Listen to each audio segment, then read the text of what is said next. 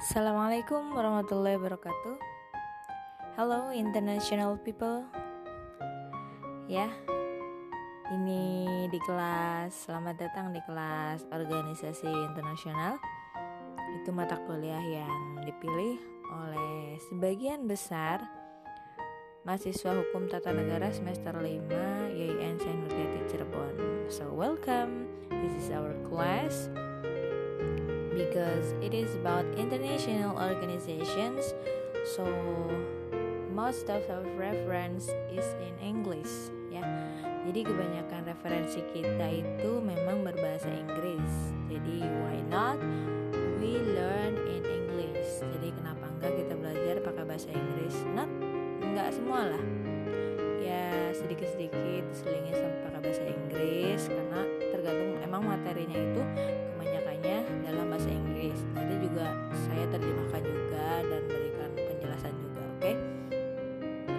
This is the second meeting. Ini pertemuan kedua ya. Pertemuan pertama saya sudah ngasih rencana pembelajaran semester dan sekarang we are going to talk about the definition and the scope of international organizations.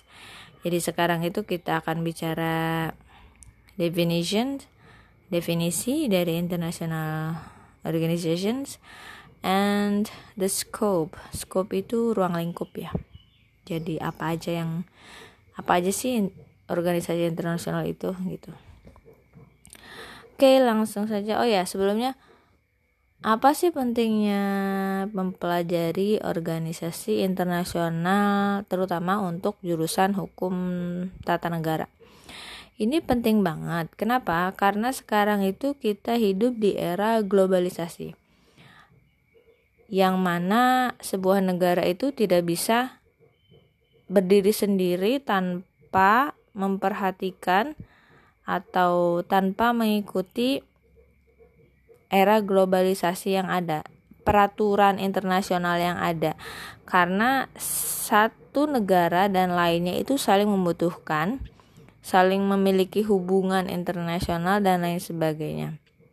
Nah, dalam bernegara itu otomatis antara satu dan lainnya itu mengatur atau membuat sebuah aturan yang mana agar hubungan mereka itu bisa berjalan dengan baik. Nah, hubungan internasional itu nanti akan memunculkan kesepakatan-kesepakatan yang nantinya sehingga akan didirikan sebuah organisasi internasional. Ya, jadi penting banget kenapa harus belajar organisasi internasional. Ya kalian tahu aja deh. yang paling besar untuk saat ini organisasi internasional itu kan di United Nations. Tahu kan? Perserikatan bangsa-bangsa. Nah, perannya apa aja?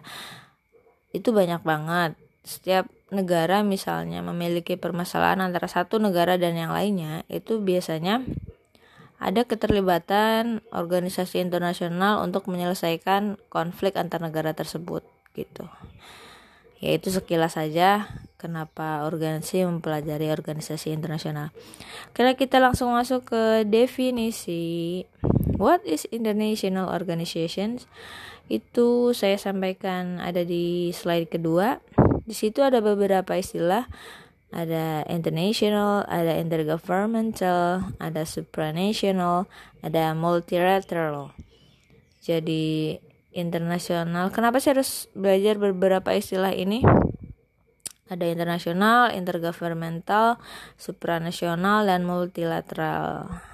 Ketika kita mencari definisi tentang internasional, istilah-istilah ini muncul, pasti muncul beberapa istilah intergovernmental, multilateral, supranasional, bahkan ada lagi transnasional, ada transgovernmental, tapi jarang itu tidak terlalu sering. Yang sering muncul itu ketika kita mencari istilah internasional, organization itu muncul juga intergovernmental, multilateral, dan supranasional.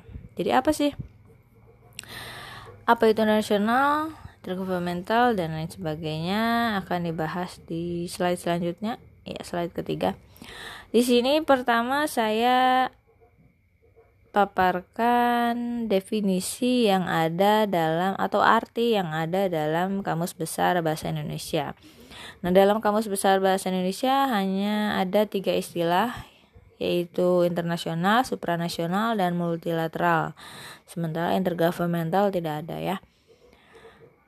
Dari internasional dulu, internasional diartikan sebagai menyangkut bangsa atau negeri seluruh dunia atau antar bangsa. Kemudian, supranasional adalah sifat kegiatan. Kalau tadi itu e, tidak menekankan pada sifat, tapi kalau supranasional lebih ke sifat kegiatannya atau organisasi dengan sasaran yang melebihi jangkauan kepentingan yang dibatasi oleh batas politis dan geografis.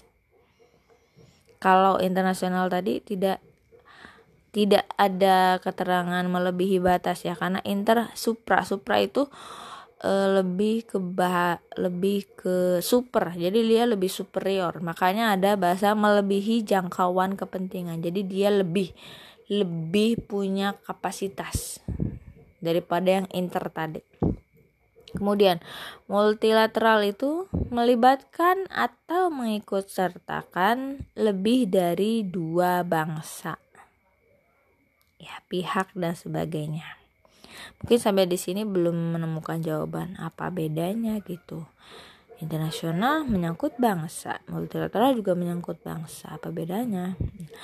Kita cari lagi di kamus hukum khusus. Saya pernah sampaikan uh, if you want to search about the term of law, you can search in Black's Law Dictionary. Saya pernah bilang kan Black's Law Dictionary itu kalian bisa download di Google aja cari Black's Law Dictionary nanti keluar. Nah di situ banyak istilah-istilah hukum ya. Uh, panduannya yang harus kalian ikuti. Oke dari Black's Law Dictionary hanya ada dua istilah yang diartikan di sana. Artinya intergovernmental dan internasional itu tidak ada definisi untuk satu kata itu. Jadi adanya frasa berupa frasa misalnya international law, intergovernmental organization. Jadi tidak ada satu kata untuk pengertian itu. Adanya frasa. Jadi yang ada kata mandiri pengertiannya itu cuma ada supranational sama multilateral. Supranational, nah di situ disebut adjektif, multilateral juga adjektif. Supranational disebutkan free of political limitations of Nations. Ah, di sini kelihatan ya. Free of political limitation. Jadi dia bebas dari batas-batas. Dia bisa melebihi batas karena dia sifatnya supranasional. Kemudian multilateral involving more than two parties. Jadi menyangkut lebih dari dua anggota Nah, biasanya ah, contohnya di sini disebutkan multilateral agreement. Jadi perjanjian multilateral. Jadi perjanjian yang anggotanya ini lebih dari dua uh, dua perwakilan, dua perwakilan negara misalnya. Makanya disebutnya multilateral agreement. Lanjut. Nah, kalau tadi perkata supranasional udah ada gambaran ya.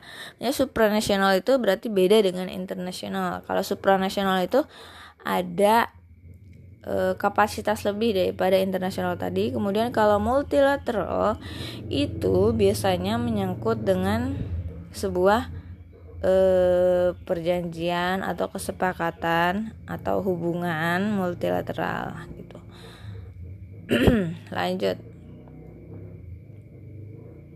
Nah, kalau tadi perkata, nah sekarang ada istilah lagi yang menyangkut yang masih ada kaitannya dengan international organization yaitu ada intergovernmental organization sama supranational organization. Jadi apa sih international organization? Langsung masuk deh. Ini ada dijelaskan di Black's Dictionary. Nah, kalau international organization itu ada definisinya. Tapi kalau international aja, dalam satu kata mandiri itu nggak ada dalam Black's Dictionary. Jelaskan bahwa international organization an intergovernmental. Nah, di sini ada. Jadi intergovernmental itu masuk ke international organization. Ya. An intergovernmental association of countries established by and operated according to multilateral treaty whose purpose is to pursue the common aims of those countries. Bisa dilihat di page 2394.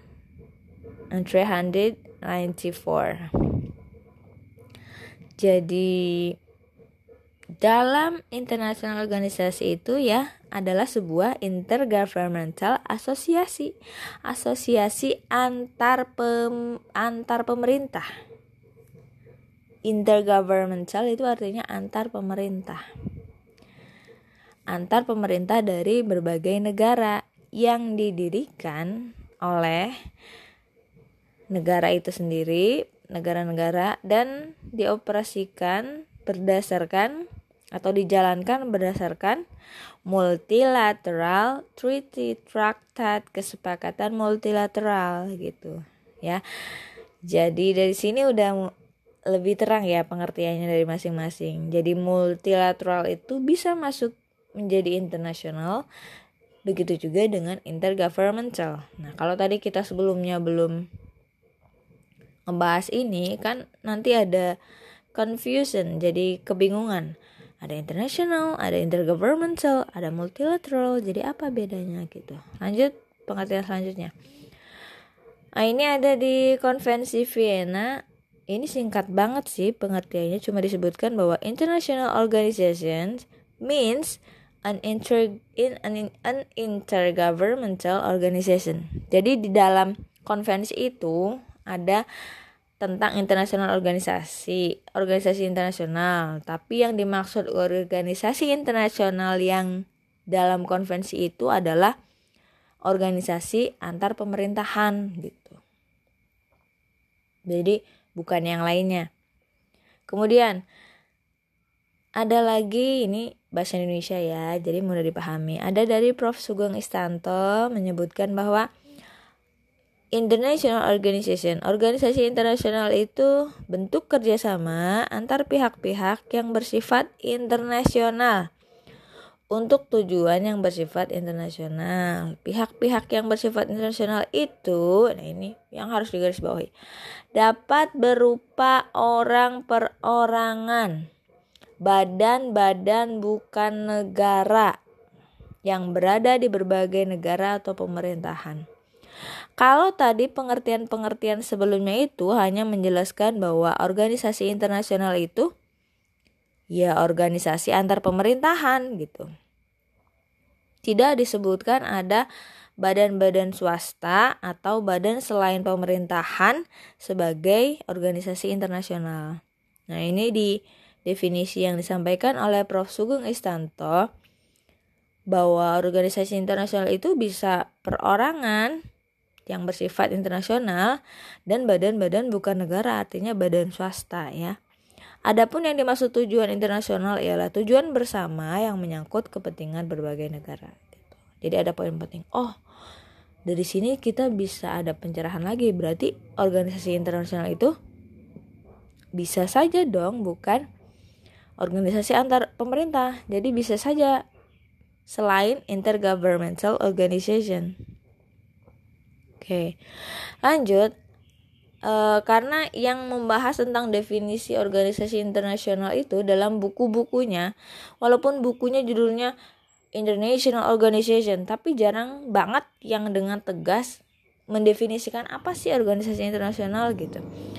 Ada satu kutipan di slide selanjutnya, di slide yang ke-9, di bukunya Samuel Barkin, International Organization Theories and Institution page number one halaman 1 di situ kutipannya menyebutkan international organizations are understood in this book to be inclusive intergovernmental organization.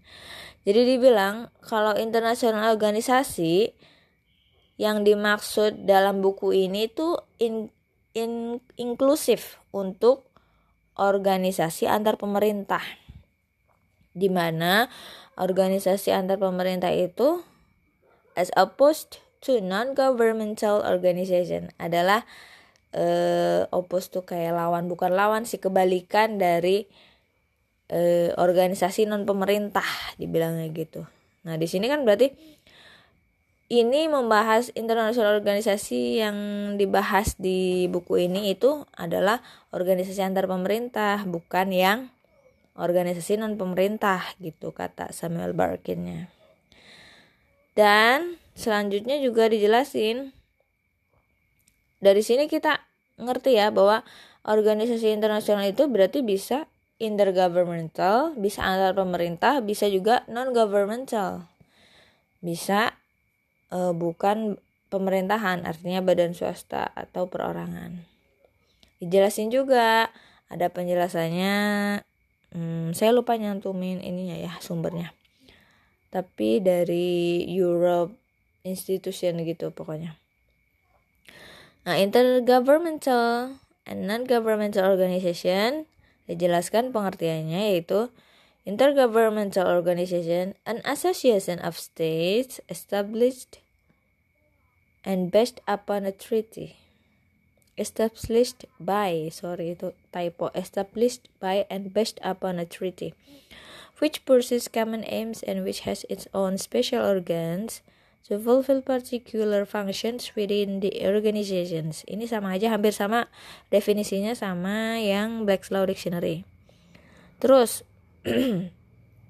non-governmental organizations and international organizations. Nah, ini disebut. Jadi non-governmental organization itu bisa yang dimaksud adalah an international organization consisting of non-governmental representative and individuals, a characteristic which distinguished it from intergovernmental organization, which consists primarily or wholly of governmental representative. Jadi bedanya tadi dibilang kalau intergovernmental itu ya semuanya eh, perwakilannya dari pemerintah sementara kalau non governmental itu dari bisa badan swasta atau dari perorangan pernah dengar gak sih NGO NGO gitu kalau teman saya ada beberapa yang kerja di NGO juga ya. Kebanyakannya non profit jadi misalnya dia peduli terhadap lingkungan dan lain sebagainya gitu. Gimana sampai di sini? Untuk pertemuan kedua bisa dipahami? Kalau enggak nanti komen aja di Google Classroom yang di bawah itu ya yang mau ditanyakan. Oke dari sini uh, Bu nanti kok ada yang belum dibahas? Apa nih? Ah supranational organization. Nah kalian bisa cari sendiri ya. Kalau kalian udah cari silahkan nanti komen di bawah apa itu supranational organizations. Oke okay, thank you for listening my podcast. See you next class. Assalamualaikum warahmatullahi wabarakatuh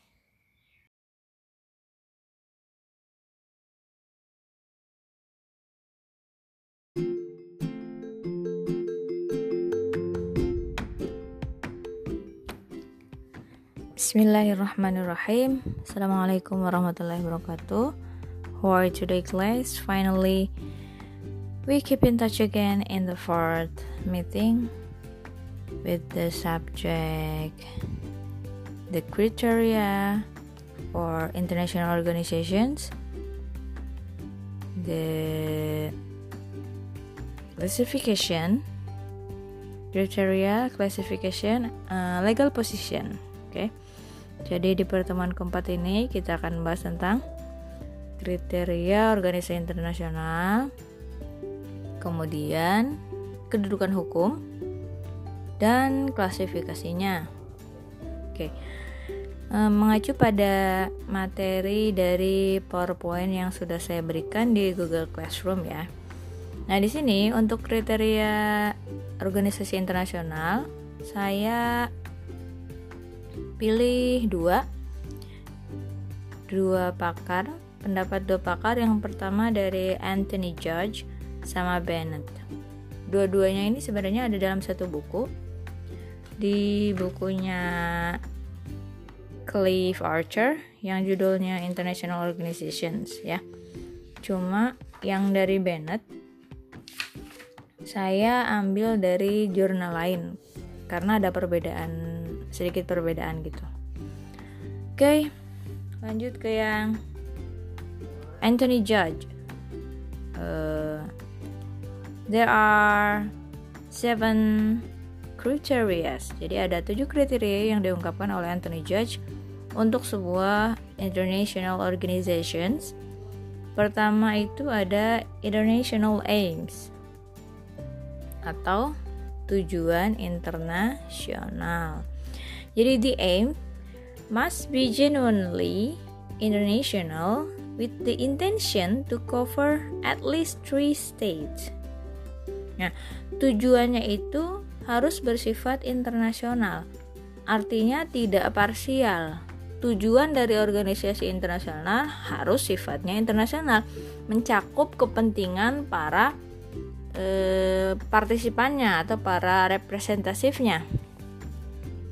Jadi tidak misalnya ada satu e, negara yang lebih besar dibandingkan negara yang lain kemudian e, tujuannya itu hanya ditunjukkan untuk negara tersebut. Tidak seperti itu. Jadi tujuannya bersifat internasional mencakup melingkupi seluruh kepentingan negara-negara yang masuk dalam organisasi tersebut atau bisa juga di luar e, representatifnya yang penting bersifat internasional nah lebih atau paling tidak terdiri dari tiga negara.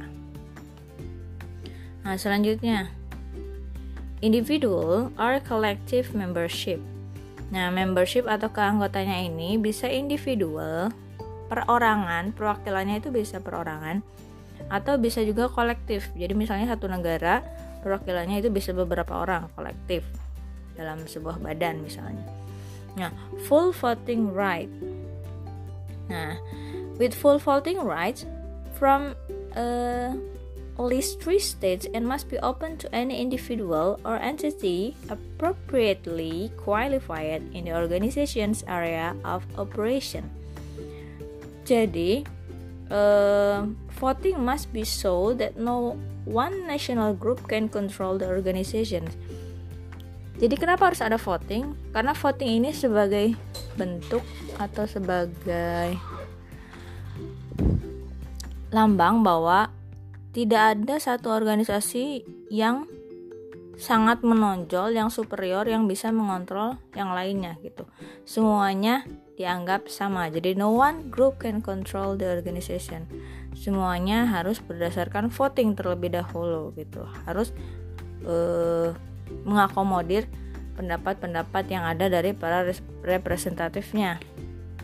Kemudian, providing formal structure. Jadi struktur keorganisasiannya itu formal, baku, ditetapkan dalam dokumen pendiriannya. Periodical election. Nah, jadi ada uh, periodical itu secara waktu yang teratur, terutama dalam election atau dalam pemilihannya. Ada waktu-waktu itu uh, ditentukan misalnya siapa yang menjabat sebagai uh, ketua di situ. Itu periodikal dipilih secara voting tadi. Kemudian continuity of operation.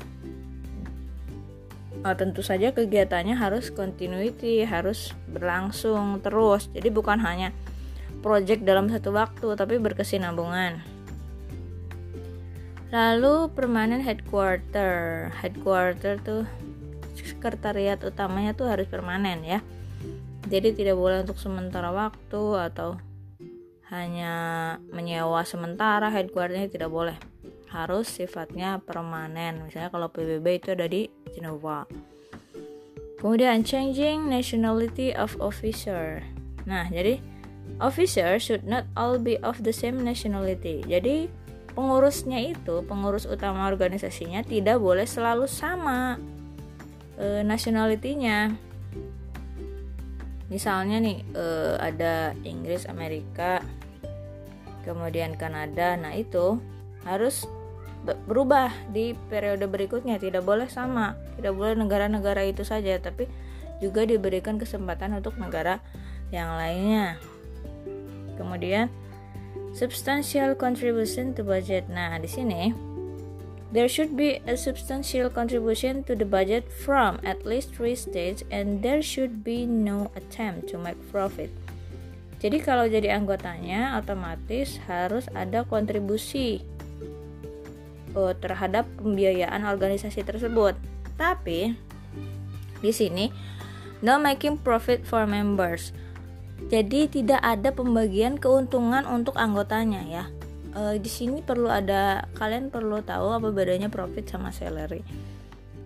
Jangan sampai berpikir seperti ini misalnya, oh berarti kalau saya masuk organisasi internasional, saya nggak akan dapat apa-apa, maksudnya nggak akan dapat keuntungan nggak akan dapat imbalan. Nah, beda. Jadi ketika kamu bertugas di organisasi internasional, kamu bisa saja dapat salary atau gaji. Nah, bedanya kalau profit itu keuntungan.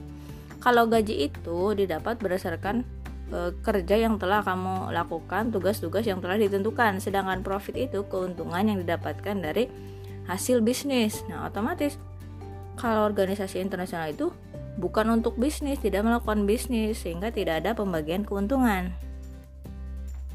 Lanjut. Organic relationship with other organization. Jadi hubungannya ini bersifat organik. Hubungan yang saling mendukung satu sama lain, hubungan yang reaching with other yang mendukung uh, untuk peningkatan kesejahteraan negara-negara yang menjadi anggotanya.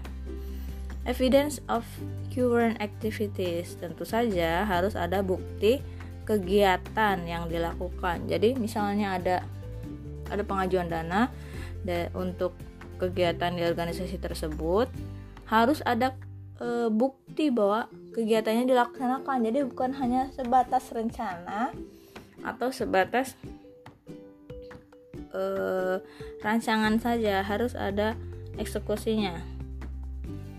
Selanjutnya di slide ketiga itu ada menurut Bennett. Saya ambil dari jurnalnya Muhammad Burhan Thani yang berjudul Instrumen Dasar dan Eksistensi Suatu Organisasi Internasional. Ada tujuh disebutkan. Kalian bisa baca ini karena pakai bahasa Indonesia. Saya rasa tidak perlu dijelaskan kembali ya. Yang pertama organisasi permanen yang melaksanakan serangkaian fungsi berkesinambungan. Ya berkesinambungan terus menerus uh, kegiatannya. Nah, uh, kemudian sesuai dengan tujuannya. Dibentuk atas perjanjian internasional, memiliki tujuan dan fungsi yang pasti. Keanggotaan bersifat sukarela. Nah, jadi kalau organisasi internasional itu tidak ada yang sifatnya paksaan harus ikut organisasi ini. Misalnya di ASEAN. Kalau kamu tidak ikut organisasi ASEAN tersebut juga tidak apa-apa, tetapi yang ada itu adalah konsekuensinya. Nah, kalau misalnya negara A tidak ikut ya berarti dia tidak akan mendapatkan keuntungan sebagaimana negara lain yang masuk dalam organisasi tersebut. Jadi bukan paksaan tapi sifatnya antara ikut dan tidak ikut pasti ada konsekuensinya memiliki organ konferensi. Maksudnya di sini organ konsultatif ya. Jadi setiap organisasi internasional itu pasti punya dewan pertimbangan, punya dewan penasihat di dalamnya. Selanjutnya sekretariat permanen sama seperti tadi, kemudian dibentuk menurut hukum internasional. Ya, kita masuk ke the legal position of international organizations. Jadi uh, seperti apa di mana kedudukan hukum organisasi internasional ini?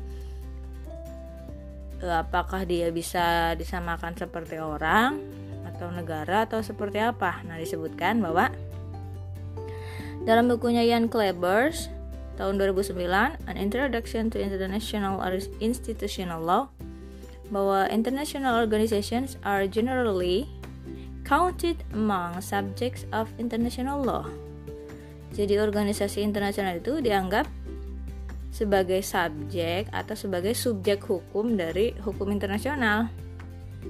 Together with states, individuals, and perhaps some other entities as well.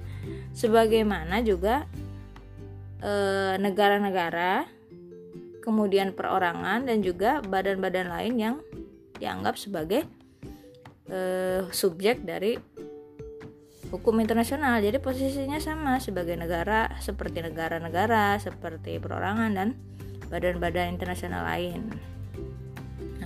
They are deemed capable of independently bearing right and obligation under international law.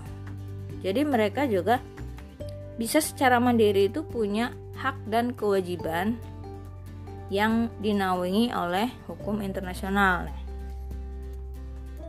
Pada waktu uh, Ian Klebers ini menerbitkan buku ini, itu tidak ada standar khusus hak dan kewajiban bagi organisasi internasional. Disebutkan dalam bukunya bahwa There is no standard for right and obligation for international organizations. Tapi kemudian pada tahun 2011 ada atau PBB itu menerbitkan draft articles on the responsibility of international organizations.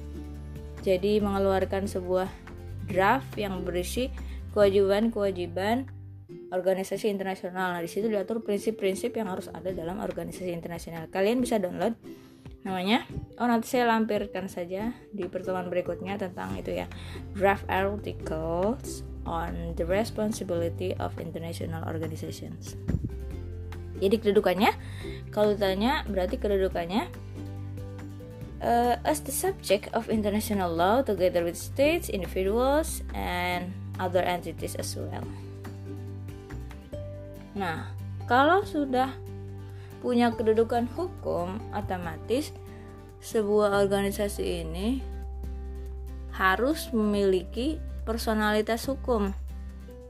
Nah, atau disebut juga sebagai international legal personality.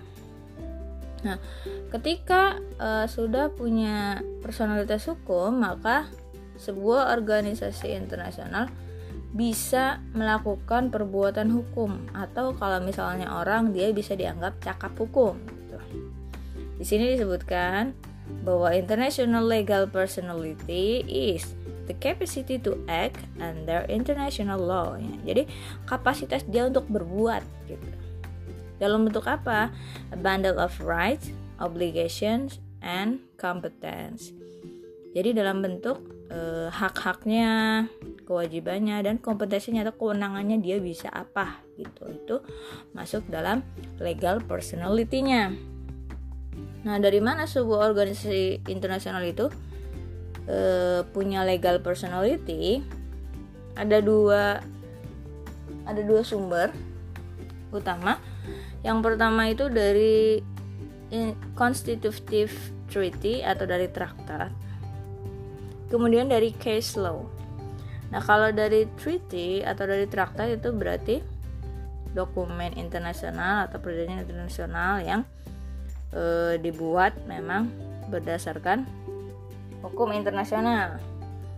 Sedangkan kalau case law itu e, personalitas hukum untuk berbuat yang baru ada ketika ada suatu kasus jadi diputuskan ada putusan hakim. Jadi berasal dari putusan hakim. Contoh yang pertama yang berdasarkan Constitutive Treaty itu ada ASEAN dengan Charter of ASEAN yaitu Piagam ASEAN ya. Piagam ASEAN itu kalian bisa lihat kalau mau download bisa cari aja Charter of ASEAN. Di Charter of ASEAN itu secara jelas disebutkan bahwa uh, organisasi internasional atau ASEAN ini memiliki personalitas hukum. Nah, di Charter uh, Chapter 2 Article 3 disebutkan bahwa ASEAN as an intergovernmental organization is hereby conferred legal personality. Jadi ASEAN sebagai organisasi intergovernmental eh, sejak saat ini diberikan sebuah personalitas hukum. Artinya dia ASEAN ini mampu melakukan perbuatan hukum. Nah, kemudian di bawahnya disebutkan ada rights and obligation, admission of new members dan lain sebagainya.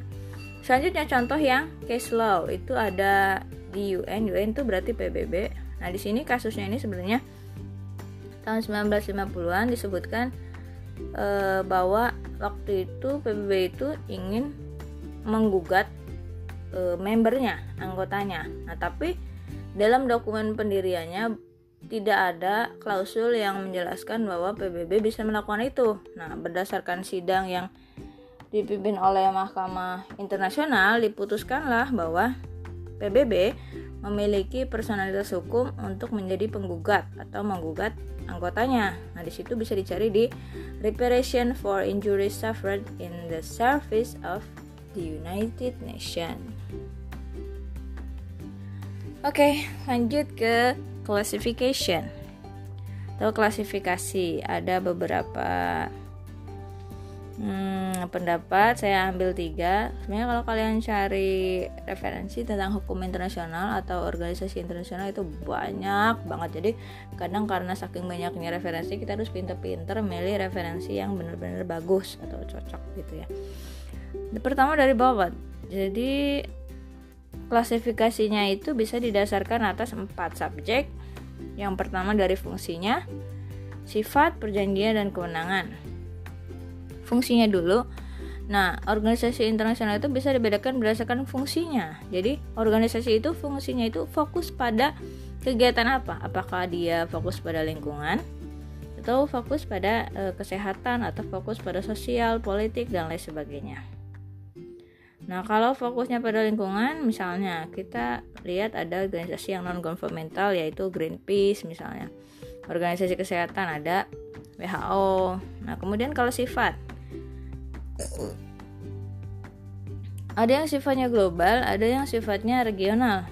Kalau global itu maksudnya seluruh negara itu bisa menjadi anggota dari organisasi tersebut. Jadi tidak ada batasan.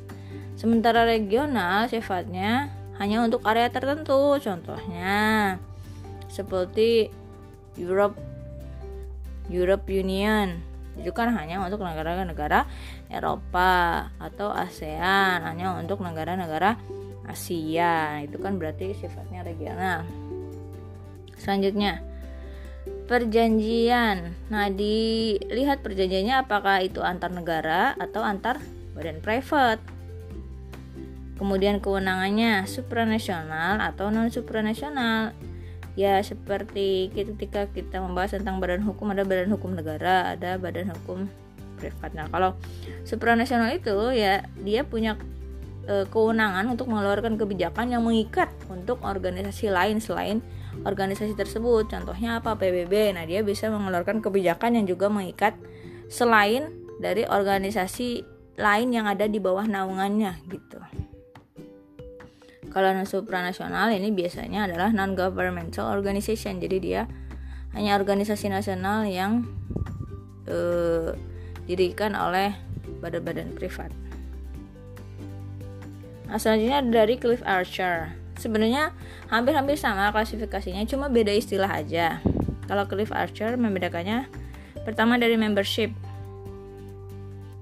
Dari representatifnya. Ini maksudnya representatif tuh perwakilannya apakah dia negara atau bukan negara gitu intinya ya kemudian dari areanya nah apakah dia bersifat global keseluruhan atau hanya beberapa negara saja? Kemudian aims and activities dari e, tujuan dan aktivitasnya sama seperti fungsi yang oleh bawah tadi. Apakah dia political economic sosial? Political misalnya ada IM eh, economic misalnya ada IMF sosial misalnya pendidikan ada UNESCO. Kemudian structure. More power, less power ini sama kayak kewenangan. Jadi apakah dia punya more power untuk mengatur organisasi yang lain atau less power? Dia tidak punya kewenangan itu. Ya, sampai ke slide terakhir. Hmm. Nah, di sini saya ambil dari jurnalnya Pittman B. Potter, The Classification of International Organization. Di sini dia membaginya pertama dilihat dari perjanjiannya, bilateral or multilateral. Karena ada beberapa pendapat pakar bahwa organisasi internasional itu minimal yang penting dua negara, nggak harus tiga negara. Nah makanya ada bilateral. Bilateral itu berarti adalah perjanjian antar dua pihak gitu. Kemudian multilateral berarti lebih dari dua pihak, bisa tiga dan selanjutnya. Kemudian comprise all unions of state, apakah dia bisa keanggotaannya ini bisa menyangkut seluruh negara or di bawahnya provided for atau provided by atau disediakan untuk negara di mana saja atau oleh negara di bagian mana begitu ya. Ini sama kayak yang global sama regional tadi. Selanjutnya, for support of principle atau for action. Maksudnya gimana? For support principle. Jadi, kalau organisasi internasional itu bisa ada organisasi prinsipalnya, ketuanya yang besarnya, pusatnya. Kemudian ada organisasi-organisasi lain di bawahnya yang dinaunginya. Contohnya kalau PBB itu organisasi pusatnya. Di bawahnya ada organisasi lain yang support dari tujuan PBB tadi misalnya WTO, WHO, UNESCO dan lain sebagainya itu adalah dia support of principle karena di bawah naungan PBB tadi. Nah, kalau for action dia memang didirikan itu uh, tidak atas ne, organisasi terdahulunya. Ini karena dia didirikan karena untuk aksi, aksi apa misalnya peduli lingkungan atau aksi untuk kesehatan atau melindungi konservasi hewan-hewan uh, yang hampir punah gitu. Lanjut, by states and their agents. Jadi oleh negara atau pemerintahnya lah perwakilannya atau by international agencies. Nah, ini berarti selain negara. Lanjut, customary or conventional ya, kebiasaan atau dari berdasarkan konvensi. Kalau customary itu berarti privat ya. Kalau konvensi berarti dari negara. International law are based on factual community of interest. Jadi didirikannya ini karena memang berdasarkan hukum internasional, ada dokumen internasional, atau didirikannya ini karena ketertarikan komunitas atas fakta-fakta yang ada, misalnya kayak hmm, konservasi lingkungan, nah itu ketertarikan beberapa anggota terhadap eh, pengrusakan lingkungan yang ada saat ini, makanya ada factual community of interest and policy, makanya mereka membuat ketertarikan mereka membuat mereka bersatu, membuat kebijakan bersama untuk membuat organisasi.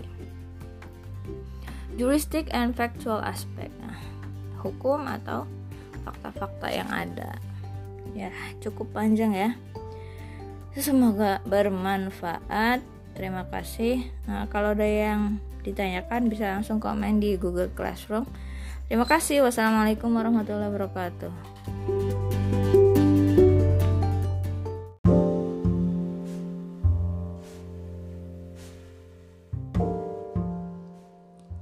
Assalamualaikum warahmatullahi wabarakatuh. Welcome back to International Organization class. Today we are going to learn about the authority, the role, and the function of international organizations. Jadi hari ini pertemuan ke-6. Kita akan membahas tentang wewenang dari organisasi internasional kemudian peran dan fungsinya. Oke, sekarang pertemuan ke-6, kemudian minggu depan berarti uh, adalah minggu terakhir saya memberikan uh, materi atau terakhir kita melakukan pembelajaran secara ceramah. Artinya saya memberikan materi kepada Anda. Nah, Kedelapan, kita akan melaksanakan ujian tengah semester. And after that, you have to make a paper and give a presentation in the class, ya. Habis itu, tugas kalian membuat um, makalah untuk nanti dipresentasikan di kelas yang berkaitan dengan organisasi nasional, organisasi internasional, sesuai dengan subtema yang ada pada RPS. Oke, uh, kita masuk ke slide yang kedua. Wewenang dari organisasi internasional. Nah, bisa dilihat di situ. Uh, jadi kewenangan itu sama seperti kapasitas. Kapasitasnya seperti apa organisasi internasional itu?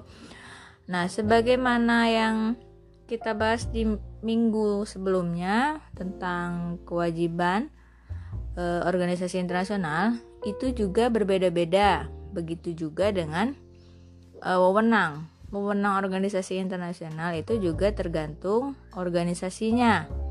Tergantung apa e, siapa pendirinya, apakah negara uh, sebagai intergovernmental organization or non-governmental organization gitu.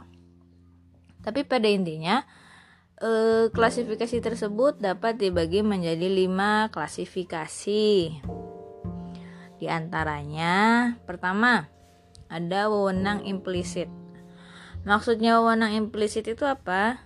Uh, wewenang yang tidak dicantumkan dalam dokumen pendiriannya atau dalam dokumen resmi intinya seperti itu contohnya apa? Misalnya kewenangan organisasi dalam melakukan penafsiran atas perjanjian yang diperbuat oleh organisasi tersebut.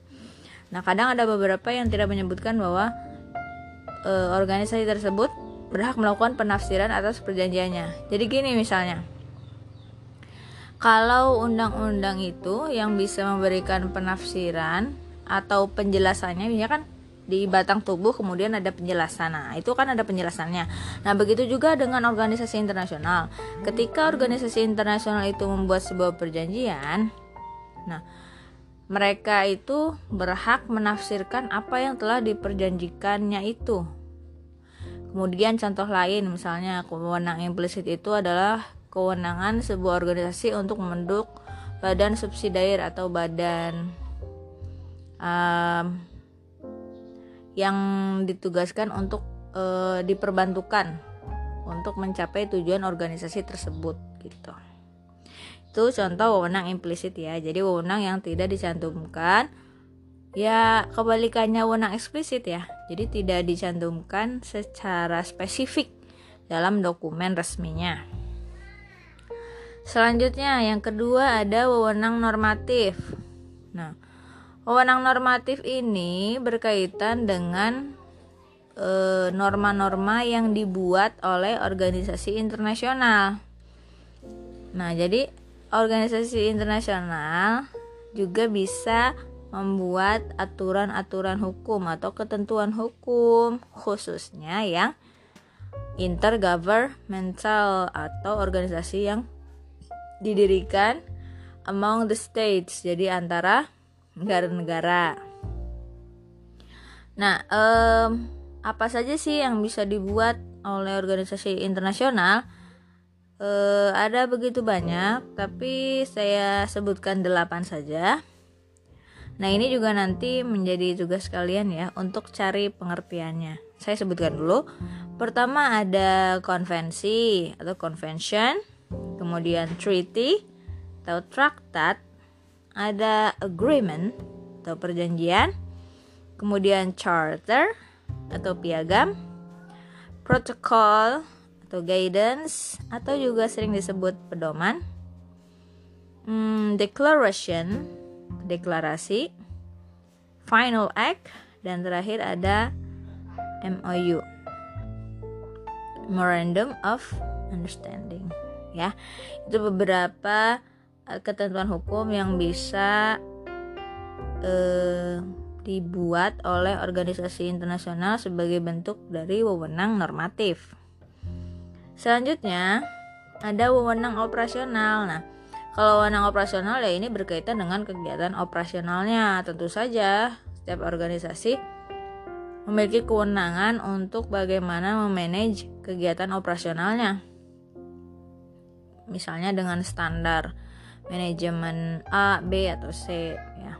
Kemudian wewenang pengawasan. Nah, ketika organisasi itu punya uh, wewenang normatif, dia membuat sebuah ketentuan hukum. Nah, berjalan atau tidaknya ketentuan tersebut kemudian bisa langsung diawasi oleh organisasinya. Nah, siapa yang diawasi? Ya negara-negara yang menjadi anggota dari organisasi tersebut. Apakah dia menjalankan eh, ke, menjalankan kewajiban atau menjalankan ketentuan sesuai apa yang telah diatur oleh organisasi tersebut. Kemudian eh, wewenang sanksi apabila dia melanggar melanggar ketentuan yang sudah dibuat maka bisa dikenakan sanksi sifatnya seperti uh, reward and punish gitu. Jadi kalau uh, negara A menjalankan dengan baik maka mendapatkan insentif bantuan misalnya dalam bentuk uh, materi dalam bentuk peningkatan kerjasama dan lain sebagainya. Itu ya. Itu beberapa klasifikasi wewenang organisasi internasional. Nah lanjut. Nah di sini saya yang saya jelaskan lebih lanjut itu berkaitan dengan wewenang normatif. Jadi saya di sini menitik beratkan pada wewenang normatif. Kenapa ya? Karena e, kita sendiri kan jurusannya hukum tata negara. Nah, yang harus saya paling tekankan itu adalah wewenang normatifnya. Mungkin kalau kalian dari jurusan ekonomi, manajemen akan yang ditekankannya wewenang operasionalnya. Nah, sekarang kita e, coba sedikit singgung tentang wewenang normatif.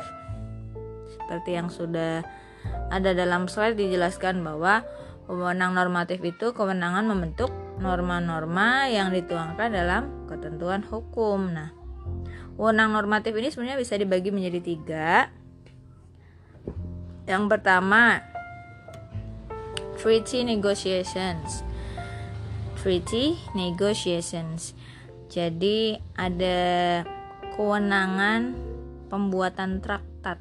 Nah, di sini sebenarnya uh, Article 6 of the Vienna Convention on the Law of Treaties between States and International Organizations bilang bahwa the capacity of an international organization jadi kapasitas dari organisasi internasional to conclude treaties is governed by the rules of that organization. Jadi bisa atau tidaknya sebuah organisasi internasional eh, membuat traktat atau menegosiasikan sebuah traktat itu tergantung pada aturan yang dibuat oleh organisasi tersebut jadi rulesnya itu di pendiriannya itu ada tidak yang menyebutkan bahwa organisasi tersebut bisa membuat traktat gitu. Jadi dilihat dulu dari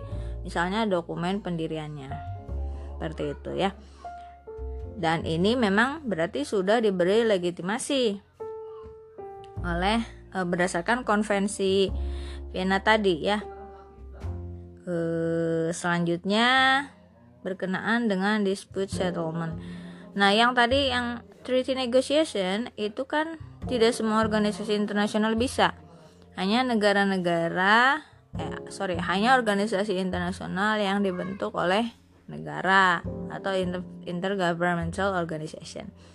Kemudian uh, lawmaking selanjutnya yaitu dispute settlement body atau uh, badan penyelesaian sengketa seperti badan arbitrase. Nah, kalau di sini disebutnya dispute settlement, dispute settlement body. Nah, contohnya apa aja sih? Misalnya nih ada International Court of Justice, kemudian ada WTO atau World Trade Organization Dispute Settlement Panel Decision. Nah, ini sering banget terutama ada sengketa-sengketa bisnis ya. Mungkin ada yang pernah dengar uh, sengketa ketika Indonesia versus Brazil, Indonesia versus multinational company yang waktu itu sempat ramai tentang uh, kasus tambang dan lain sebagainya. Nah itu biasanya diselesaikannya apabila menyangkut badan-badan uh, internasional. Maka penyelesaiannya juga melalui dispute settlement body yang didirikan oleh organisasi internasional. Gitu kemudian ada resolution jadi resolution ini sifatnya seperti peraturan yang dikeluarkan. Nah, kalau traktat, kalau traktat itu kan perjanjian, kesepakatan lebih dari satu negara dua negara. Nah, kalau resolution itu lebih ke peraturan yang dikeluarkan oleh organisasi tersebut. Kalau misalnya nih kementerian kan ada peraturan menteri permen. Nah, kalau organisasi eh, apa yang dikeluarkan oleh organisasi tersebut disebutnya resolution. Jadi ada resolution yang bisa dikeluarkan. Sifatnya bisa berbentuk guide guidelines atau ya seperti pedoman seperti itu ya. Nah, ini disebutnya parliamentary law.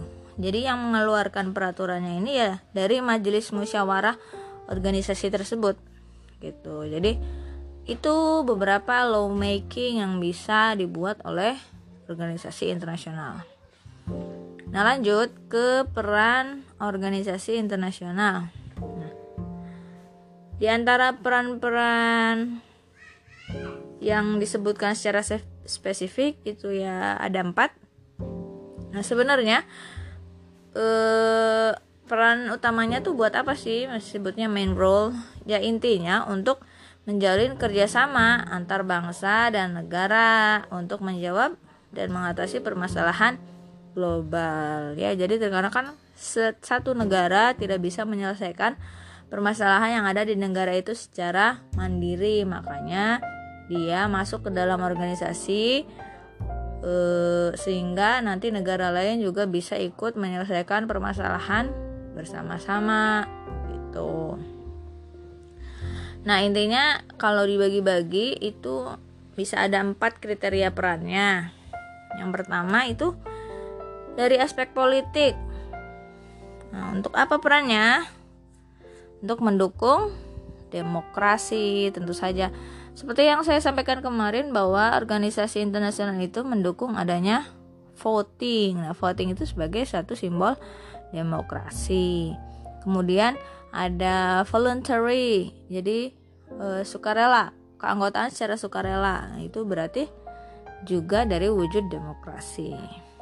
Kemudian mengembangkan toleransi juga, persatuan dan meningkatkan perlindungan HAM. Jadi banyak eh, banyak peraturan tentang perlindungan HAM yang dikeluarkan oleh organisasi internasional gitu. Bahkan bukan hanya perlindungan HAM tapi misalnya pelestarian lingkungan hidup, eh, perlindungan terhadap satwa dan lain sebagainya. Kemudian aspek kedua yaitu aspek ekonomi. Tentu ini ya untuk meningkatkan daya saing ka, ka, apa sih gunanya daya saing ketika ada daya saing berarti eh, ada satu inovasi yang dibutuhkan sehingga meningkatkan efisiensi dari setiap eh, pelaku usaha. Di sini kalau saling bekerja sama tentu bisa saling berbagi teknologi, inovasi itu untuk meningkatkan perekonomian. Nah, nantinya kalau perekonomiannya bagus, daya saingnya bagus, maka ini akan menunjang terhadap pembangunan nasional. Selanjutnya, hmm, aspek sosial budaya. Nah, ini eh, perannya itu meningkatkan kesehatan dan pendidikan. Mungkin pernah dengar UNESCO kan. Kemudian ada melestarikan kebudayaan. Nah, kenapa sih harus ada e, misalnya Seven Wonders, tujuh keajaiban dunia? Itu itu kalau kita lihat dari sisi positifnya itu sebagai upaya pelestarian bahwa ada situs-situs yang disakralkan begitu ya. Adapun misalnya sisi-sisi negatif dari adanya itu itu e, dampak lainnya. Tapi positifnya itu untuk salah satu wujud pelestarian kebudayaan. Kemudian kesehatan dan lain sebagainya, pendidikan, nah itu sangat banyak sekali kita tahu misalnya program-program e, pertukaran pelajar dan lain sebagainya. Itu salah satu bentuk dari wujud e, mulanya adalah adanya kerjasama antar negara. Kemudian uh, kemanusiaan, nah ini biasanya uh, berupa berperan dalam pengelolaan bencana berbagai teknologi misalnya Jepang Jepang itu berbagai teknologi tentang bagaimana teknik pengelolaan bencana, kemudian pelestarian lingkungan hidup. Nah, itu beberapa perannya ya. Lanjut kita ke fungsi organisasi internasional. Kalau tadi empat, saya juga mengklasifikasikan di sini ada empat juga. Fungsi organisasi internasional pertama efisiensi. Apa hubungannya mungkin? Nah, di sini organisasi internasional itu kan sebenarnya ditujukan untuk solve the problem. Jadi untuk memecahkan masalah yang ada nih. Makanya ayo kita bareng-bareng kerjasama membentuk sebuah organisasi.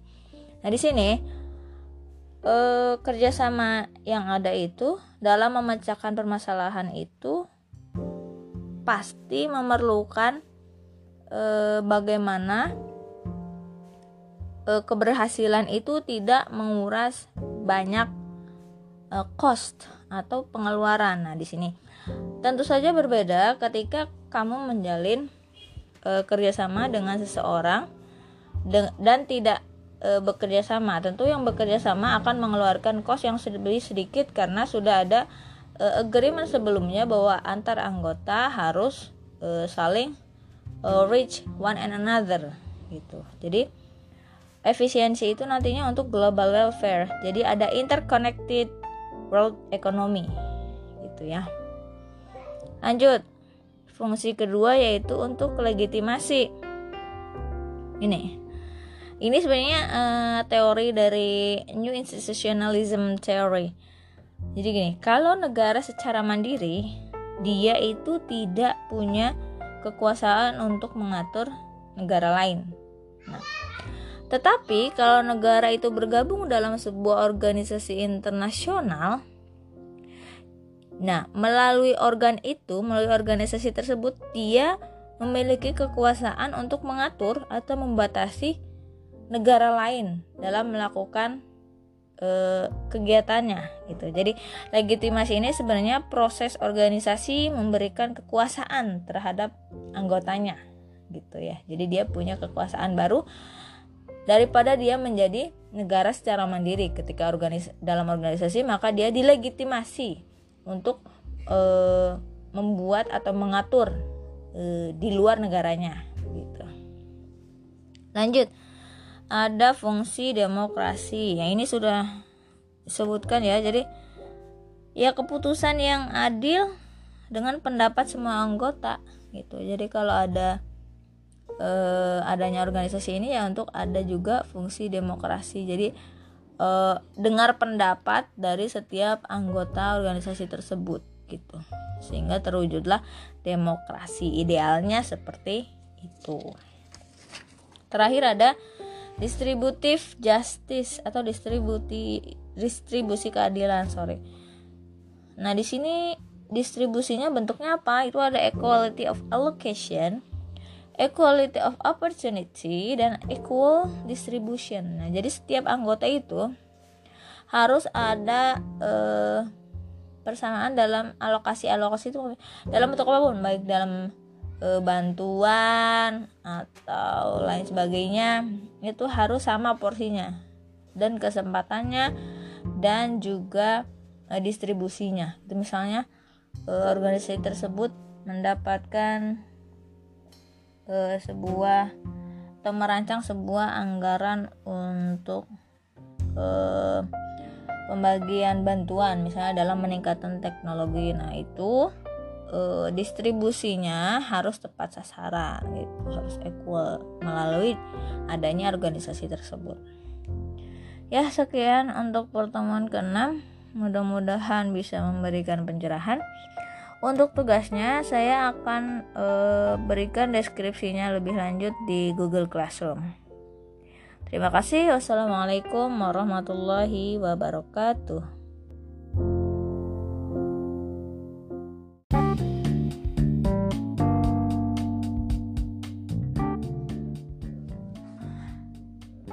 Bismillahirrahmanirrahim Assalamualaikum warahmatullahi wabarakatuh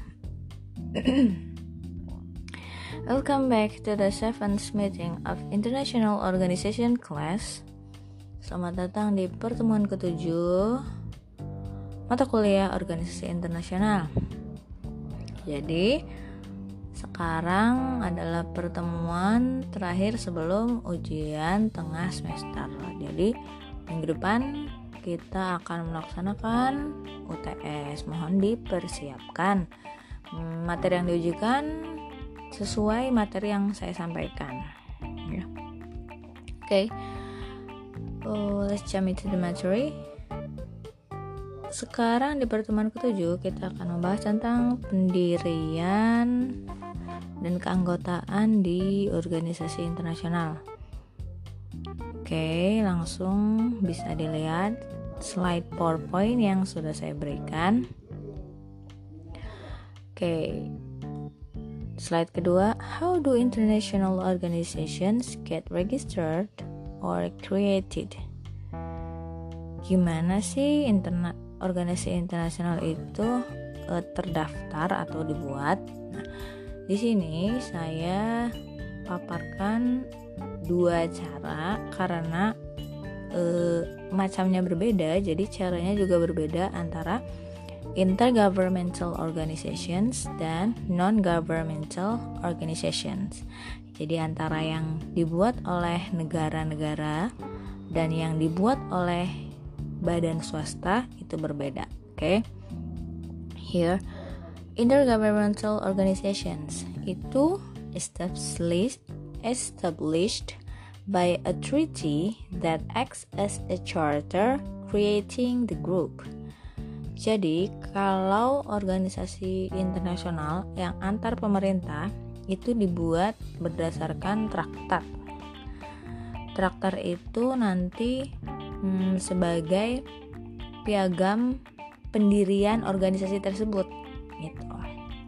Sedangkan kalau non-governmental organizations itu registered in accordance with national law of the country in which they are founded. Jadi kalau non-governmental itu pendiriannya itu dengan cara didaftarkan e, sesuai dengan hukum nasional dari di mana negara di mana organisasi tersebut di negara mana dibentuknya gitu belibet sorry ya jadi e, di mana organisasi tersebut didirikan maka mengikuti pada national law yang e, berlaku gitu oke okay.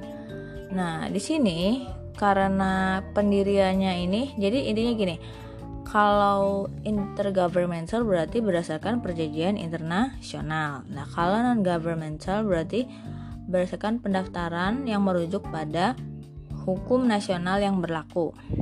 Oke, sampai di sini karena ini merujuk pada e, perjanjian internasional dan hukum nasional yang berlaku, maka ada dua peraturan perundang-undangan yang bisa dirujuk untuk Indonesia. Di slide ketiga bisa dilihat Indonesian laws accordance the creation of international organizations.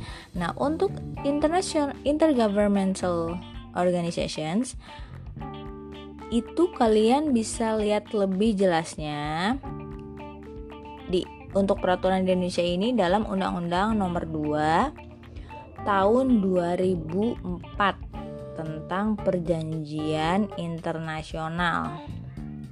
Nah, nanti silakan dibaca. Saya juga sudah berikan di Google Classroom. Di situ dijelaskan bagaimana cara eh, mengikatkan diri pada perjanjian internasional. Nanti ada eh, tahapan penandatanganan, pengesahan, pertukaran dokumen, dan cara-cara lain yang disepakati kemudian tahapannya juga ada nanti mulai dari penjajakan, perundingan, perumusan naskah, penerimaan dan penandatanganan. Lebih jelasnya karena cukup panjang silakan nanti dibaca di Undang-Undang Nomor 2 tahun 2004. Nah, kemudian untuk International Non-Governmental Organizations kalian bisa lihat di PP Peraturan Pemerintah Nomor 59 tahun 2016 tentang organisasi kemasyarakatan yang didirikan oleh warga negara asing. Nah, jadi nanti kalian bisa lihat di situ di PP nomor 59 tahun 2016 nanti ada siapa saja yang berhak e, mendirikan organis ormas. Kita disebutnya ormas loh. Ormas internasional itu nanti jadinya international non governmental organizations gitu. Jadi nanti yang bisa mendirikan itu badan hukum yayasan asing.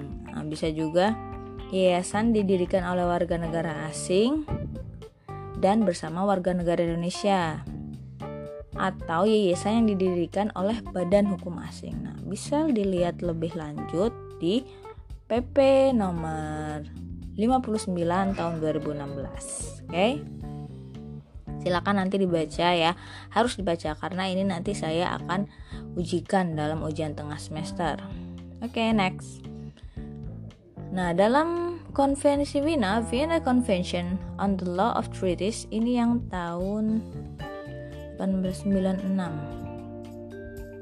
Ya, akan ada yang 91, ada yang ini yang tahun 96. Di Article 2A disebut International Agreement concluded between states. Jadi, yang di sini masuk dalam konvensi Wina ini hanya untuk intergovernmental organization. Jadi harus dibuat oleh antara negara in written form harus dalam bentuk tertulis and governed by international law dan di bawah hukum internasional. Whether embodied in a single instrument or in two or more related instruments, baik dalam uh, instrumen tunggal maupun uh, dua atau lebih. Maksudnya e, perjanjiannya itu bisa dalam satu perjanjian ataupun dalam dua perjanjian dan lebih. And whatever its particular designation ya harus dalam e, didesain dengan desain tertentu intinya. Nah ini menurut konvensi Wina. Itu ya intinya. Jadi kalau mau lebih jelasnya mengenai pendiriannya kita harus merujuk pada hmm, tadi undang-undang yang saya sebutkan tadi. Kalau untuk intergovernmental berarti melihat Undang-Undang tentang Perjanjian Internasional nomor 2 tahun 2004. Kalau pendirian international non-governmental berarti merujuk PP nomor 59 tahun 2016 tentang ormas yang didirikan oleh warga negara asing. Oke. Kita masuk ke membership. Membership di sini pertama ada subject of membership. Maksudnya di sini subject of membership itu Siapa saja sih yang bisa menjadi anggota dalam international organizations? Nah, pertama itu ada negara.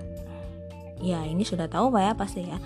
Negara-negara yang menjadi bagian dari international organization Indonesia, bagian dari United Nation, Indonesia bagian dari ASEAN. Oke.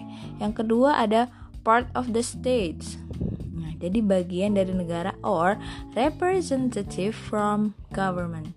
Jadi cuman nggak semuanya. Misalnya satu kementerian. Nah contohnya misalnya kementerian kesehatan. Itu bagian dari World Health Organizations gitu. Atau Kemendak Kementerian Dagang bagian dari World Trade Organization dan masih banyak yang lainnya. Nah, untuk yang terakhir International Legal Entity, nah ini berarti selain e, dari pihak negara, artinya badan swasta atau badan hukum internasional. Nah, dia bisa menjadi bagian dari atau subjek of membership di international organization.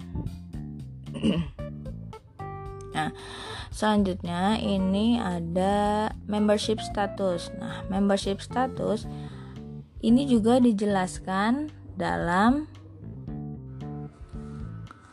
Perpres atau Peraturan Presiden Nomor 30 Tahun 2019 tentang keanggotaan Indonesia. Nah, itu juga sudah saya lampirkan di Google Classroom pertemuan hari ini. Di pasal 5 itu dijelaskan bahwa status keanggotaan Indonesia itu meliputi dua. Pertama ada keanggotaan penuh dan keanggotaan tidak penuh. Nah, di PowerPoint saya jelaskan ada full membership, juga ada partial partial membership. Jadi ada yang keanggotaan penuh, ada yang juga part, jadi sebagian atau keanggotaan tidak penuh. Nah, kalau keanggotaan penuh itu apa? keuntungannya. Nah, kalau full membership itu berarti full participation in each organization's activities and have full of rights especially for voting. Jadi, kalau full membership berarti kalian sebagai anggota, sebagai member itu bisa mengikuti setiap aktivitas dari organisasi tersebut gitu. Dan juga punya full of right, jadi punya hak penuh sebagaimana yang lain, terutama itu adalah berkaitan dengan hak suara tentang uh, untuk voting itu apabila full membership. Tetapi kalau partial membership itu have no right to vote. Nah, seringnya seperti itu. Jadi tidak punya hak untuk memilih and only join in particular organization activities. Jadi hanya mengikuti Eh, aktivitas-aktivitas tertentu yang diadakan oleh organisasi. Nah, contohnya apa? Kalau di Indonesia sendiri itu contohnya misalnya ada PPATK. PPATK itu Pusat Pelaporan dan Analisis Transaksi Keuangan. Nah, ini PPATK tuh misalnya gini. E, kalau misalnya transaksi transfer yang tidak wajar, misalnya ada kasus pencucian uang. Nah, ini biasanya kedeteknya pertamanya sama PPATK, Pusat Pelaporan dan Analisis Transaksi Keuangan.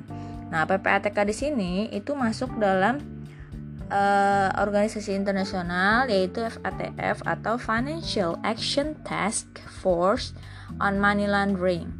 Jadi, organisasi yang mengawasi uh, pencucian uang tapi PPATK di sini belum menjadi anggota penuh dari FATF itu, hanya sebagai observer. Jadi ketika mengambil keputusan, PPATK Indonesia ini tidak punya eh, hak suara, tidak punya hak bicara untuk memberikan pendapatnya. Gitu contohnya ya. Oke, lanjut. Eh, sorry. Lanjut ke slide 7. Oke. Okay.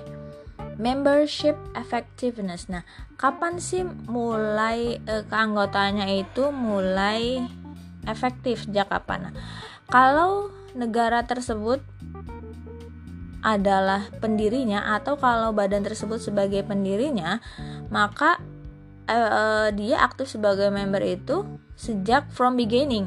Kalau dia as part of the organization's founder. Jadi sejak disahkannya sejak didirikan maka itu sudah efektif keanggotanya. Tapi kalau dia tidak sebagai pendiri maka e, aktifnya itu sejak registered as a member. Jadi e, member baru gitu melakukan registrasi ke organisasi internasional tersebut. Itu maka e, sejak ada registrasi. Jadi dua macam membership effectiveness. Oke, terakhir.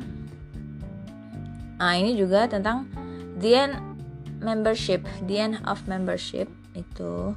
Bisa diganti nanti the end of membership. Jadi kapan berakhirnya keanggotaan?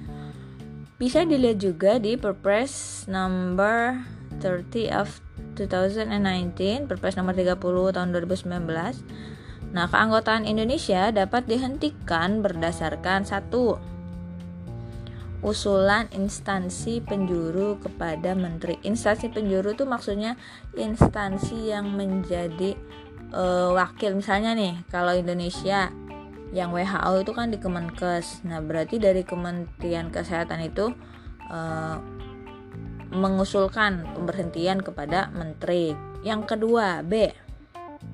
Penghentian sebagaimana dimaksud dalam pasal 10 ayat 4. Nah, di situ ayat 4-nya udah ada Nah, dalam hal hasil evaluasi keanggotaan Indonesia dinilai tidak memenuhi analisis biaya manfaat sebagaimana dimaksud dalam pasal 3 ayat 2 nanti bisa dilihat menteri dapat menghentikan keanggotaan Indonesia. Nah, analisis biaya. Jangan salah ketika kalian e, menjadi anggota organisasi berarti nanti kalian ada setoran kontribusi e, biaya kepada organisasi tersebut. Saya sudah jelaskan ya di pertemuan selanjutnya. Jadi ada uh, contribution to the budget gitu kan. Nah, jadi kalau kalian jadi anggota organisasi A misalnya, kalian itu harus ada kontribusi budgetnya. Jadi harus ikut patung lah intinya seperti itu.